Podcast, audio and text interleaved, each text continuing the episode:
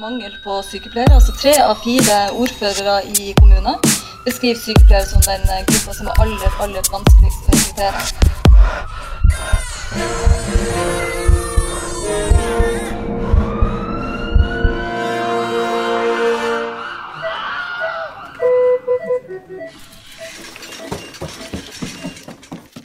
Velkommen til en ny episode av Hjelp, jeg er sykepleier. Mannen som jeg har med i studio i dag, det er en mann jeg både har respekt for og beundrer, for han står altså så på i sykepleierfaget.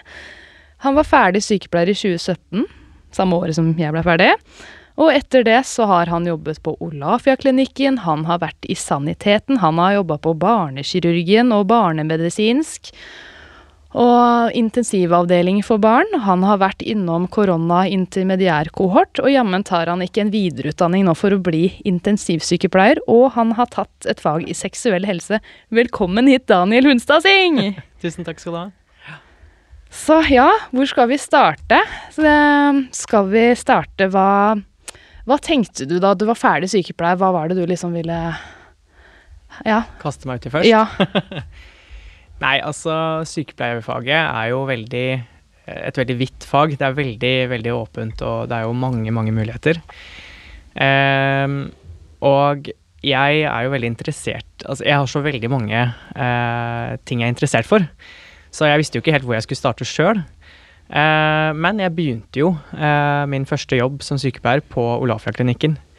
Eh, litt fordi at der hadde jeg vært i praksis, så man måtte jo egentlig ha litt erfaring fra infeksjonsmedisin og sånne ting eh, eh, før man begynte.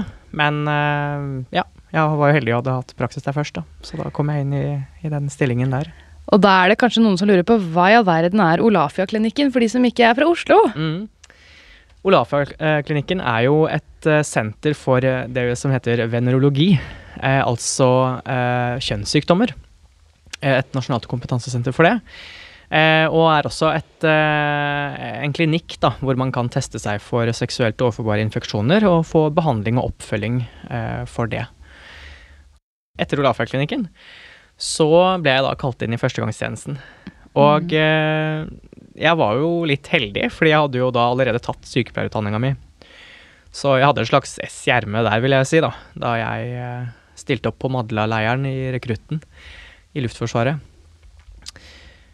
Um, da jeg eh, ble kalt inn, så pla altså Planen til Forsvaret var vel at jeg egentlig ikke skulle være sykepleier i Eller uh, være i saniteten da, i, eh, i Forsvaret, fordi det hadde de egentlig ikke plass til. De hadde allerede Uh, ja, fylt opp alle de Populær plass? ja, det er veldig populært i, Ja. i Forsvaret å være i saniteten. Du lærer mye. Uh, så jeg, jeg måtte jo stille litt eh, krav, da. Jeg sa jo at nå har dere tatt inn en sykepleier, en autorisert sykepleier. Det er sykepleiermangel i Norge, og dere tar inn en sykepleier i, til førstegangstjenesten, og så skal han ikke engang være i, i saniteten. Nå skal jeg ikke få bruke faget mitt, liksom. Nei, ja, det var litt, eh, Ja. det var litt der, da. Så jeg måtte sette litt krav, og da, etter litt eh, justeringer eh, i listene, så ble det plutselig en ledig, ledig plass til meg likevel. Og eh, da hadde jeg ikke Jeg, jeg fikk jo noe, noe kurs i sanitet, men så er det sånn at de kursene som blir holdt i saniteten, er jo ofte holdt av sykepleiere. Jeg var jo allerede sykepleier, så jeg kunne jo gå rett inn i rollen som sanitetspersonell da, i, i Forsvaret. Men må man ikke ha vært sykepleier noen år først for å være i saniteten, eller er det ikke noe krav til det? Nei, det er jo mer hvis du skal eh, ja, skal, altså skal man jobbe for eksempel, da, internasjonalt, så må man jo selvfølgelig ha litt mer eh, erfaring. Ja. Men for å være sanitetssoldat så eh, kreves det jo absolutt ikke å være sykepleier. Eh, men å være eh, eller eh, militærsykepleier, så, så er det jo egentlig ikke det et, et krav heller. Du må være autorisert uh, sykepleier, da. Mhm. Så der hadde jeg flaks. ja. Det var veldig, veldig, veldig spennende. Og uh, da jeg blei kalt inn, så uh, Alle vennene mine og familie og sånn, de tenkte at han er ikke noe han er ikke noe soldat. Han går ikke i gjørma. Hvorfor tror du de tenkte det? Eh, Nei, jeg veit ikke. Jeg, eh, var vel kanskje ikke typen til å like det. Ikke hadde jeg vært noe særlig aktiv før. Jeg drevet med noe sport, hadde jeg aldri gjort. Eh, var vel kanskje litt fisefin av meg. Men uh, lite visste de. For jeg elska det jo. Det var helt fantastisk. Så det, det året i Forsvaret, det, det ga meg veldig mye.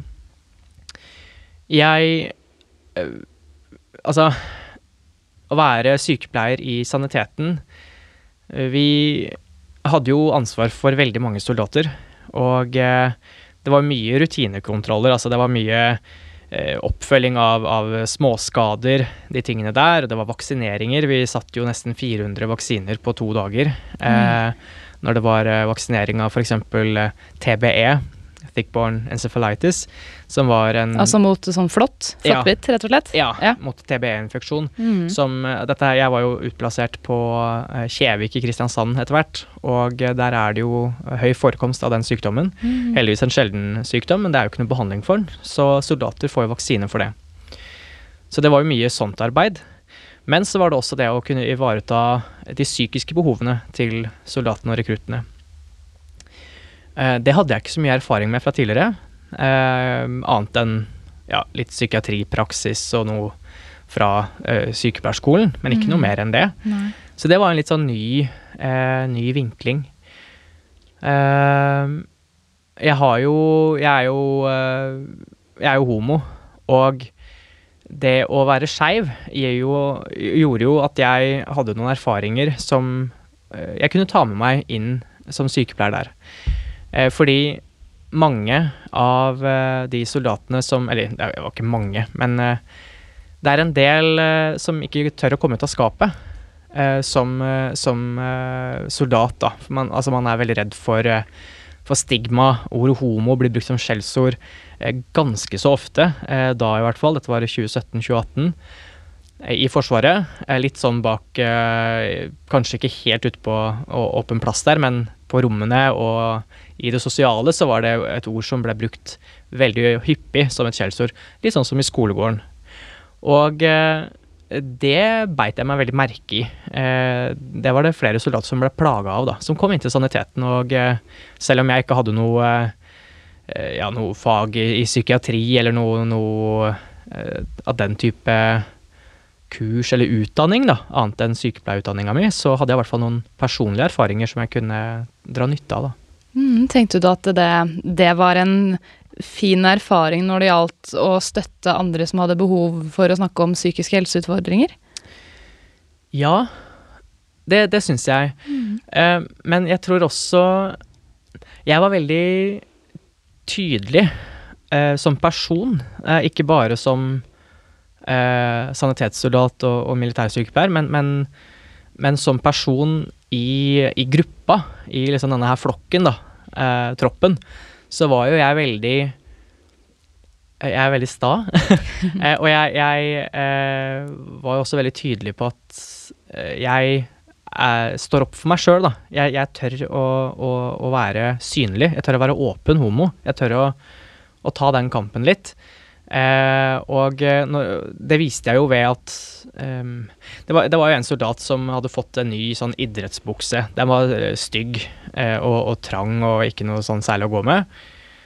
Han kom inn i messa hvor vi spiser, eh, og sa at buksa er så jævla homo, den er så stygg.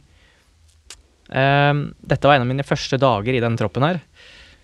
Og jeg ble veldig overraska over det han sa, men også at det var liksom så åpenlyst greit å si.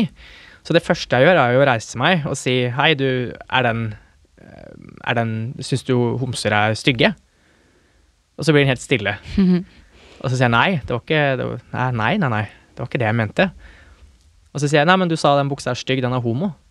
Mener du at homser er stygge? Mm -hmm. Nei, nei, nei overhodet ikke. Det var ikke Nei, nei. Så sa jeg nei, syns du jeg er stygg? Og da tror jeg han skjønte eh, hva jeg mente. At du trenger ikke å Ja, ja, greit at den buksa er stygg, eh, og at den buksa er trang eller ekkel eller hva som helst. Det, det er greit, det. Men den kan ikke være homo. Og eh, det tror jeg er et sånt jeg, tror nok mange ikke har noe vondt i å, å, å bruke ordet homo som et skjellsord. Man, man tenker ikke noe over det, kanskje.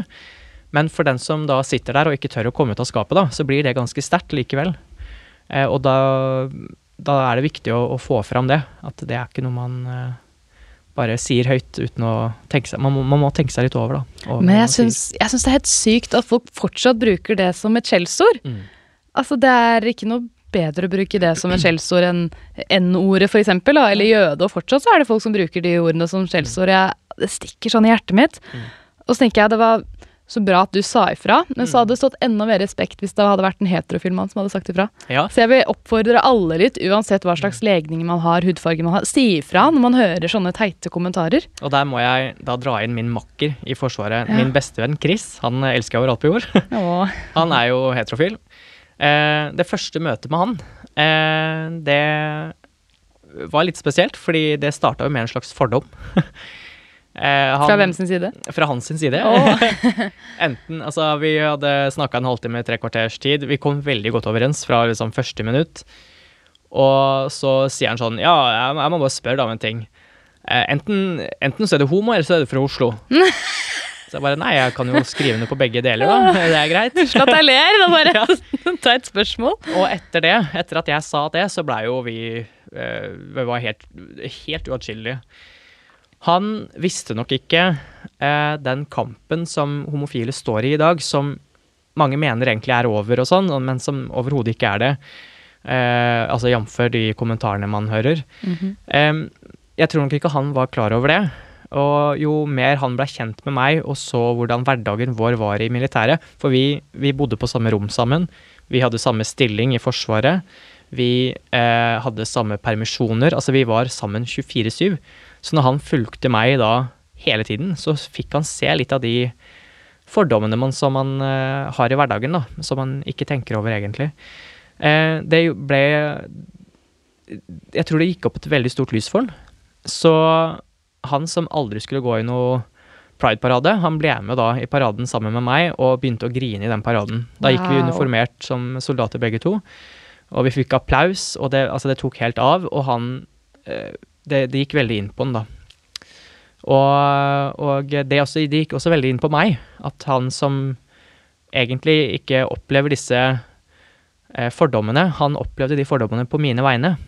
Og han stilte da Jeg blir nesten rørt av å snakke om det. Ja, jeg skjønner Da- det. Jeg blir nesten, nesten litt sånn Han- tårevåt her. han- Ja, han stilte da, da stilte han seg opp for meg, da. Og det var veldig, veldig sterkt. Og det var så viktig. Mm. Så det var jo det året i Forsvaret, Ja. eh, som, eh, som sykepleier også, da. Mm.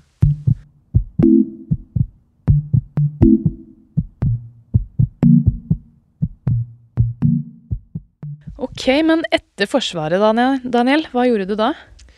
Du, da eh, Da var jeg litt klar for å jobbe litt som sykepleier eh, i spesialisthelsetjenesten. Så jeg søkte jo litt forskjellige jobber, og fikk eh, min første jobb på eh, Ullevål som sykepleier da, eh, på barnekirurgen. Eh, så det var jo mitt første møte da med, med pediatrien, egentlig.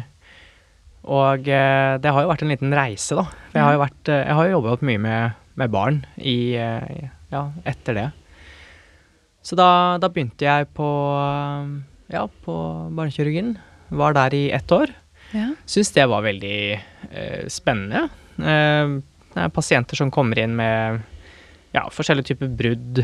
Eh, ja, Og brokk, kanskje? Ja, ja, det var det òg. Ja. Brokk var det òg. Mange av pasientene mine vet på nyfødtintensivet de får jo litt sånn brokk i navlen og brokk i pungen, og hvis ikke det på en måte kan reponeres, så da blir det en liten henvisning til barnekirurgen, gitt. Stemmer det. Ja, så det var jo litt sånn eh, Noe elektivt og noe ø-hjelp, da. Ja. Litt sånn ymse. Mhm. Eh, men det var jo veldig, veldig spennende. Det var det. Eh, og jeg, jeg trivdes jo med kirurgiske pasienter eh, for øvrig. Eh, men så ble det lyst ut en ny stilling eh, på barnemedisin. Og jeg hadde jo hørt at på barnemedisin så var det litt eh, litt mer sykere eh, pasienter, da. De var i kanskje litt dårligere hva skal man si, fatning. Ja. eh, og jeg var jo Jeg har jo veldig, jeg har veldig hig etter å, å utvikle meg, da, og, og på en måte få en, en progresjon i eh, og, Ja, i jobben. Mm. Så jeg var jo da klar for å prøve, prøve meg der. Så da søkte jeg jo på barnemedisin og fikk jobb der. Og eh, det stemte jo, det jeg hadde hørt, at de pasientene der var jo dårligere. Og det var mer overvåkning og mer eh, ja, jeg fikk utvikla det kliniske blikket, da, kan man si. Men var det da infeksjon, eller var det forgiftninger, eller var det kreft, eller hva var det derfor? Jeg holdt på å si ingen av de tingene der. Nei. vi har jo barneinfeksjon. som Ja, det er jo en egen avdeling, da. det. Ja, de tar jo mange av infeksjonene, og kreftpasientene kommer jo ofte til Rikshospitalet, da. Eh, men det vi hadde, var jo Det var mye gastropasienter. Eh, ernæringsproblematikk. Det var eh, Ja, det var jo litt spiseforstyrrelser, var det. Det er eh, diabetes, nyoppdaga diabetes, eh, fikk jeg jo mye erfaring med. Eh, Nevropasienter, skjerming da, ofte, og sånn helt tidlig rehabilitering etter hodetraumer, hodeskader. Drukningspasienter i rehabilitering eh, fikk vi jo eh, mye av. Eller mye, no, noe av.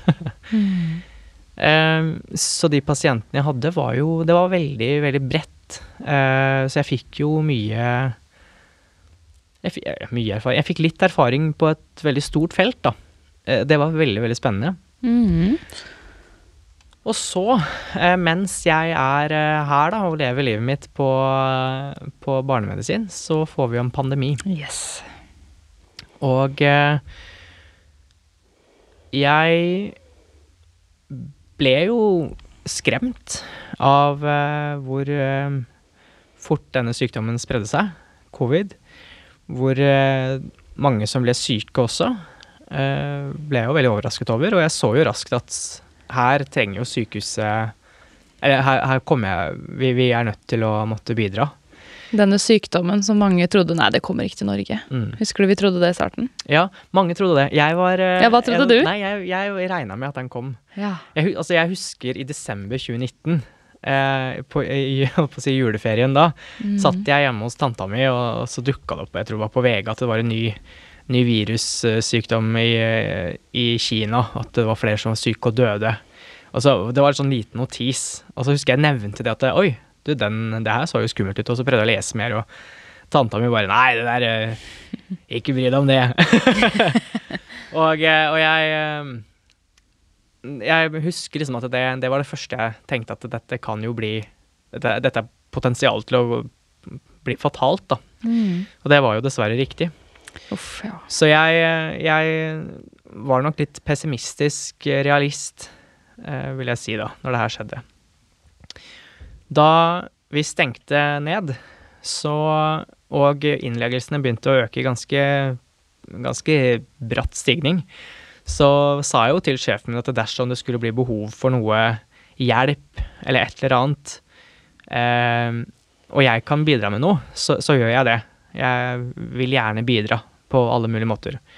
Hvis det er å jobbe ekstravakter på barnemedisin fordi noen har blitt syke, så gjerne det. Hvis det er at jeg trengs et annet sted på sykehuset, så er jeg med på det.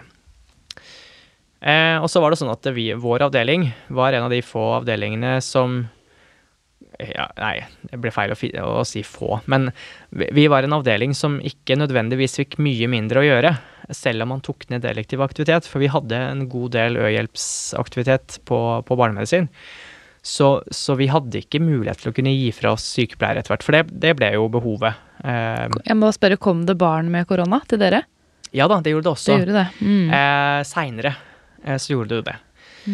Eh, men eh, men eh, i den, de første bølgene der, så, så eh, hadde jo ikke vi så veldig mye med de å gjøre. Em, de som kom inn, var jo Hadde jo kanskje litt lette symptomer. Men det var, det var ikke sånn at vi måtte em, lage en kohort der og da. Altså de som kom inn til dere på, på- barneavdelingen? Ja. Ja. Men eh, altså Det var ikke noe kohortsituasjon eh, der og da. Eh, der har vi jo RS-epidemien som virkelig ga Ja, kantina ble jo brukt til eh, Ja, når RS-mottak. man må lage et feltsykehus inne på sykehuset. Ja. Det har man snakka altfor lite om, mener jeg. Eh, Det er en Mm. helt annet, et helt annet tema som jeg ikke trenger å gå inn i. Men ja, uansett. Um, jeg eh, ble jo omdisponert etter hvert, da.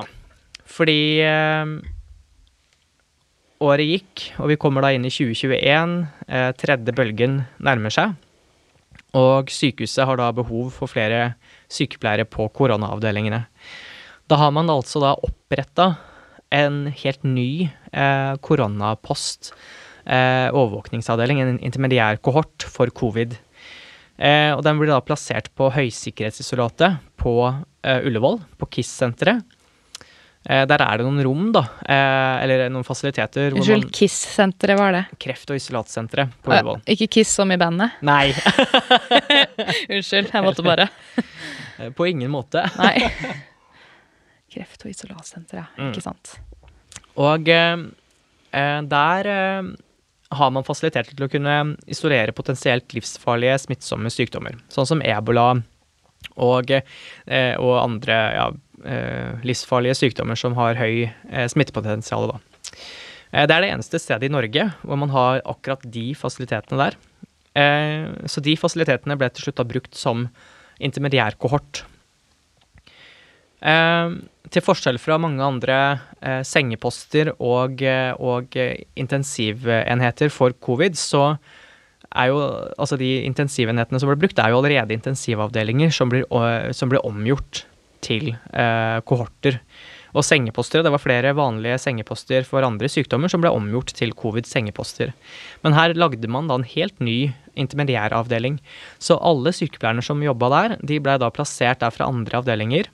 Det var lungemedisin som, eh, som i samarbeid med, med medisinsk intensiv og eh, isolat, eller infeksjonsavdelingen, nei, infeksjonsposten, lagde denne her eh, eh, intermediærenheten sammen. Og da fikk de jo inn rundt eh, ja, det var vel 60-70 sykepleiere etter hvert, da, fra forskjellige avdelinger. Og flere av oss da fra barneavdelinger. Eh, det ble også flydd inn sykepleiere fra forskjellige steder i landet for å kunne få det her til å gå rundt. da. Og eh, jeg ble jo spurt Det gikk jo ganske raskt, eh, den prosessen her. Fordi som sagt så var jeg jo tydelig for min leder at jeg ønska jo å, å bidra eh, med det jeg kunne av ja, erfaring og kunnskap eh, på å eh, ja, bli omdisponert, da. Mm. men eh, hun fikk vel en forespørsel på en onsdag, hun sjefen min, eh, hvor jeg selvfølgelig sa dette vil jeg være med på. Eh, på torsdag fikk jeg da klargjøring, eller da var det klart at det, det får jeg. På fredag fikk jeg da beskjed om at på mandag så begynner du på et annet sted. Wow, så det gikk ganske fort. Gikk veldig Og så er det nok mange som lurer på hva slags type sykepleie gjorde dere? Mm. Altså hva var på en måte, Hvordan var en vanlig hverdag på den posten? Hva slags prosedyrer, hva slags medisiner? Fortell. Mm. Nei, det var jo først og fremst en helt annen hverdag enn det jeg hadde Og dette var voksne pasienter ikke sant, som Ja. du jobbet med da? Ja, dette Mm. er da 18 og oppover. Ja. Og eh, det var en helt annen hverdag enn det jeg var vant med fra tidligere. Fra 0 til 18 år så var det da en hverdag med eh, 18 og oppover. For det var første gang du har jobbet med voksne etter eh, syke, en sykepleierutdanning sett bort ifra Olafia? Ja, og Ja. Forsvaret så var det, jo, mm. var det jo det. Mm. Så det var veldig nytt. Eh, veldig spennende, eh, men helt ny hverdag. Men det som overrasket meg, var jo hvor syke de var. Man har jo hørt uh, jeg, Altså, jeg har jo sett alvorlig syke pasienter før. Jeg har jo uh, Og da i hovedsak barn, da. Men, men jeg har jo sett uh, alvorlig syke voksne også. Men å se en den, Altså, den pasientgruppa der ble veldig spesiell. Eh, alle sliter med pusten. Eh, den angsten de har eh, i øynene da, den var helt Altså, den, den brenner seg fast, da. Og eh, Så sykepleien der var jo omfattende. Altså, det var jo selvfølgelig helt vanlig daglig stell og de tingene der, vitale målinger. Men så er det jo hele tiden overvåkningen. Dette var en intermediæravdeling, som sagt. Eh, vi kunne tilby NIV-behandling, eh, altså non-invasiv ventilasjonsbehandling, til de som trengte det. High flow typ? Hi- High flow hadde vi også. Eh, BPAP, CPAP til da NIV-behandlingen. Mm. Eh, og eh, det som var kjempeviktig, var jo å kunne se når er det vi må intubere. Når er det de, må, når er det de trenger et høyere behandlingsnivå. Eh, for det måtte man eh, Det var veldig viktig å kunne identifisere relativt raskt. Og da ble de flyttet over til intensiv, eller hvis de trengte Ja, hvis de respirator? måtte, ja, hvis de måtte på respirator, Ja. så eh, er det next level, på en måte? Ja, hvis de måtte intuberes og få invasiv ventilasjonsstøtte, så måtte de da på eh, intensiven. Mm. Men vi kunne jo tilby respiratorbehandling med, med maske, da, altså NIV-behandling. Non-invasiv ventilasjon. Og, eh, men, eh, og så var det også pasienter da som ikke hadde høyere behandlingsnivå, hvor man hadde bestemt at disse pasientene kommer ikke til å kunne tåle en intubering og, og kunne få invasiv ventilasjonsbehandling. Så det, og det å stå i det òg var jo veldig tøft, da. Um, og det ble jo ganske mange etter hvert som havna litt i den kategorien.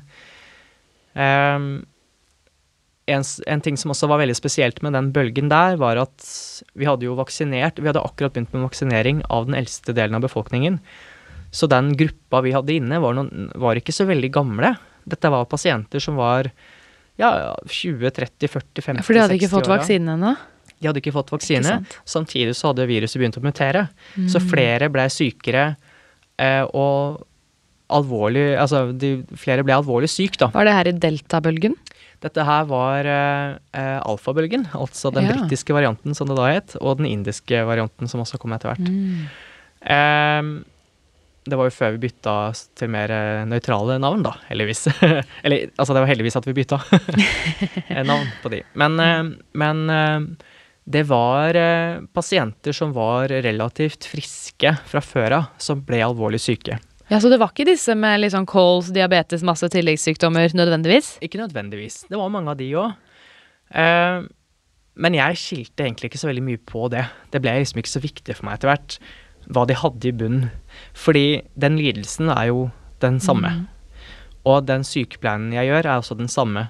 Og det var jo en, en, et, slags eh, Det var en liten aha-opplevelse. Det var veldig mange tøffe ting å se og, og, og oppleve som sykepleier der. Eh, det var mye død, det var mye lidelse. Eh, nøkkelen her da for eh, den sykepleien jeg gjorde, var å kunne omgjøre noe av det her til noe håp eh, og noe verdighet. Kanskje litt glede. Eh, men, men, det å kunne skape en eller annen trygghet var veldig, veldig viktig. Og veldig avansert etter hvert òg. Jeg syns det var veldig krevende men veldig lærerikt. Det var eh, Det var noen opplevelser der som jeg gjerne ville snakke med andre kollegaer om. Mm. Eh, vi hadde mye debrifinger og sånn. Jeg snakket også med andre kollegaer på, på barnemedisin. Ja, For det må jo være tøft for dere å stå i og se all den, all den, lidelsen. Det gjør jo noe med deg ja. som sykepleier og som person, som ja, menneske. Ja, det, det, satt jo det, det satt jo preg. Mm. Eh, vi ble en veldig sammensveisa gjeng. Eh, de vi var med. Det ble jo en familie, vil jeg jo si. Men eh, jeg, jeg, husker jo Jeg hadde jo eh, jeg hadde akkurat stått i et dødsfall og var innom barnemedisin på veien til garderoben min. Eh, altså, Hvis man kjenner til Ullevål, så er jo det et, en, en, labyrint uten like. Mm -hmm. Så man går jo gjennom litt forskjellige avdelinger og sånn. Eh, jeg var innom uh, avdelingen hvor jeg jobbet, hvor noen av kollegaene mine der spurte eh, hvordan jeg hadde hatt det på jobb, da. Siden, de var jo veldig nysgjerrige, siden jeg hadde jo vært borte en stund fra jobb. For dette var da du kom tilbake til eh, barnemedisinsk? Ja, dette var under, underveis. Og, var du litt var begge der. steder? Nei, jeg var bare innom, eh, innom ja. i forbindelse med at jeg skulle skifte. ja, Å ja, du hadde ja. samme sted å skifte på? Ja, akkurat der og da sa du det. Ikke sant, ja. Men, eh, men, så sa jeg at jeg hadde stått i et dødsfall, da. At det var litt sånn Jeg syntes det var en litt sånn tung dag på jobb. Mm. Eh, og så spurte de liksom en av de første tingene jeg ble spurt om. Ja, men kan jeg bare spørre, hadde, hadde noe underliggende Var det noe Den, de var, var sikkert gammel mm. og hadde noe underliggende. Så sier jeg ja, nei Ja, den, den, var ikke så gammel, men den hadde vel noe underliggende, men Og så reaksjonen da var sånn å ja, ja, men å ja, skjønner. Da var det liksom litt greit, da, eller Og det, og det det satt litt preg på meg. Mm. At jøss, er, er, er, det sånn vi har begynt å tenke også i helsevesenet.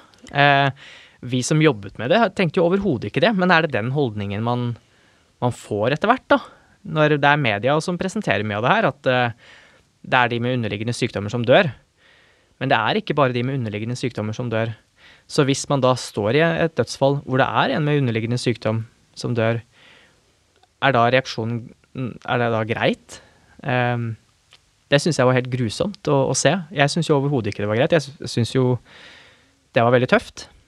Eh, så det å, å, se litt den endringa i hva er egentlig et menneskeliv verdt, da, det var veldig rart. Jeg eh, Ja, nei, det var en veldig sånn aha-opplevelse, aha da. Jeg skulle jo egentlig være der i seks måneder Nei, seks uker Nei, tre. Tre eh, uker. tre uker. Ja, og så ble det til seks måneder. Wow. Og det var jo litt fordi at det var jo behovet. Men jeg ønsket jo også å ha en kontinuitet her. Jeg ville jo være der. Jeg, jeg trivdes jo på avdelingen. Til tross for alt det tøffe vi sto i, og alle de vonde eh, det, Altså, de, det, det man så, da, var jo veldig sterkt. Men det ga meg også veldig mye. Og det, det samholdet, det var jo helt ekstremt fint. Jeg har aldri opplevd noe lignende. Kanskje litt i, i Forsvaret, men utover det så har jeg aldri sett et sånt arbeidsmiljø før. Det var veldig, veldig fint. Vi var jo omdisponert på frivillig basis, og det tror jeg var nøkkelen på det. Fordi dette var en avdeling som ikke hadde blitt omgjort til en covid-avdeling. Dette var en avdeling som hadde blitt til av, en, eh, covid. Og de trengte sykepleiere som ønsket å, å være der. Og det gjorde at vi virkelig eh, fikk et, eh, et samhold da, og, og, og et arbeidsmiljø som var helt Det må jo, jeg tenker, det må jo pasientene merke òg, når det er folk på jobb som ønsker å være på jobb, som Ja. vil være på jobb, og som liker det. Ja, det fikk Jeg tror nok det blir en annen på. opplevelse. Det tror jeg.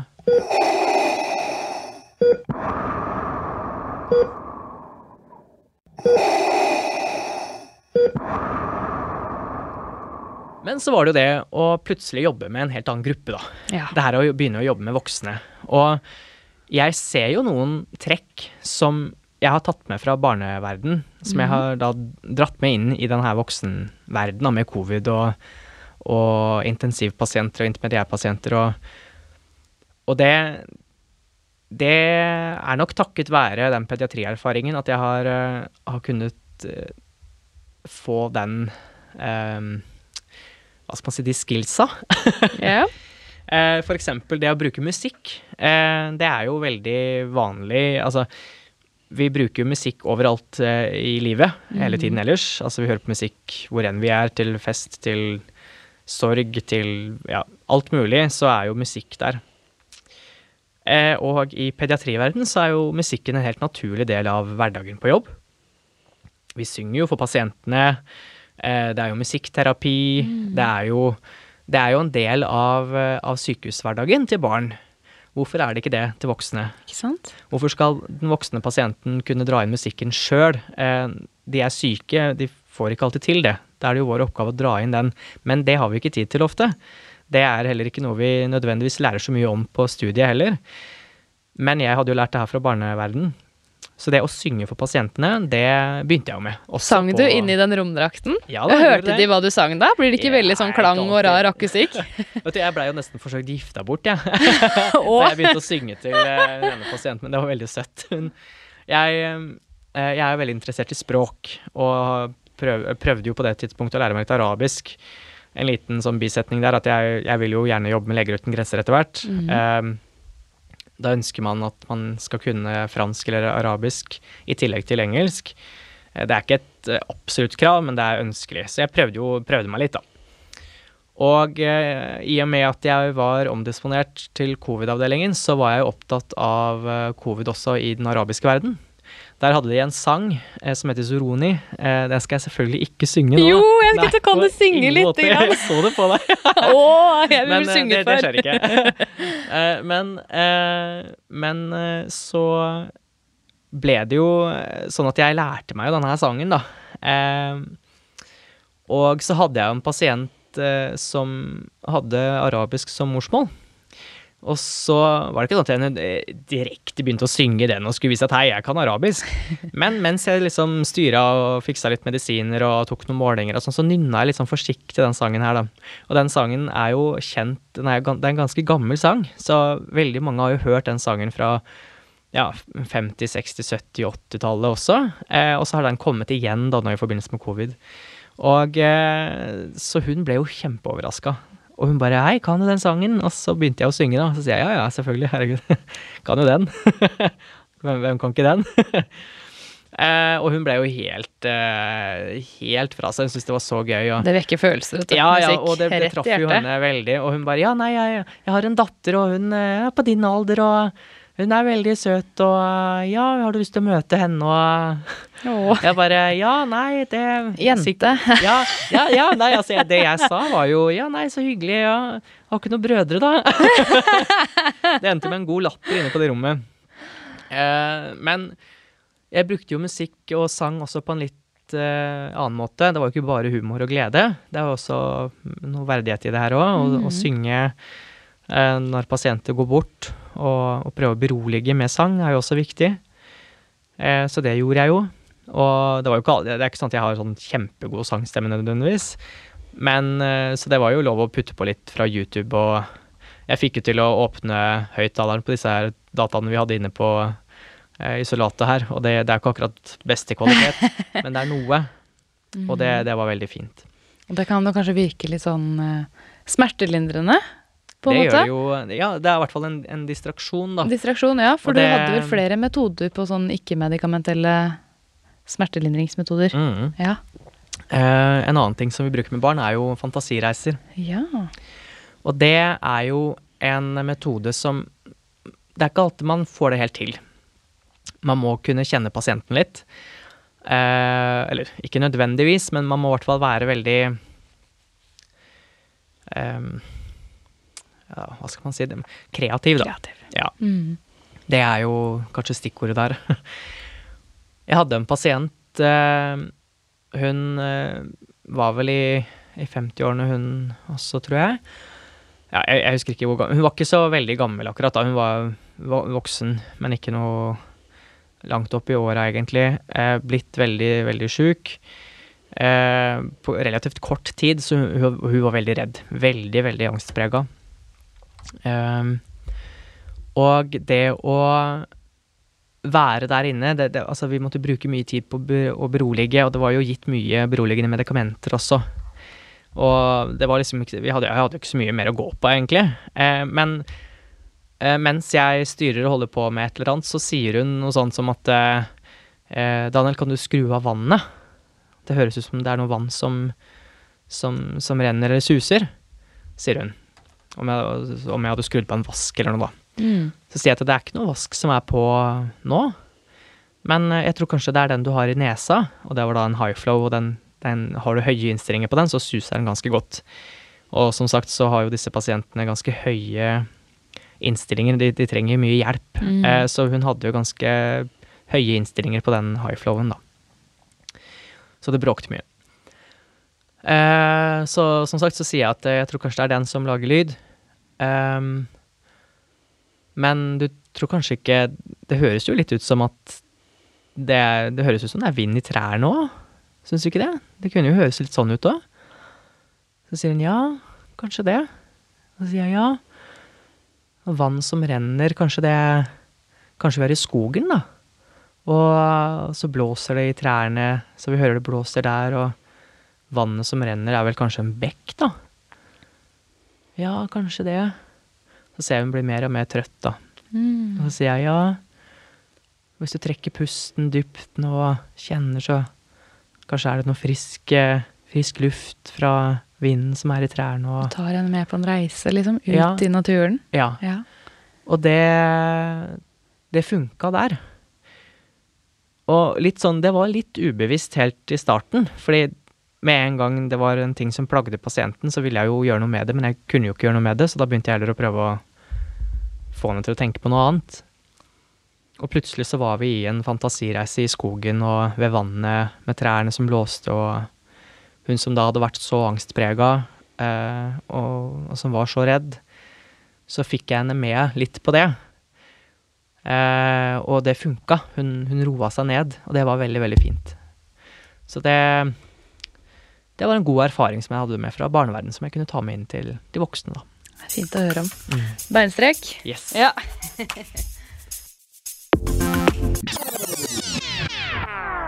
Jeg håper du liker det du har hørt så langt, men hold deg fast, du er bare halvveis. Del to av episoden med Daniel kommer om akkurat en uke, og da kommer du til å få høre mer om intensivstudiet, og du blir selvfølgelig Q&A.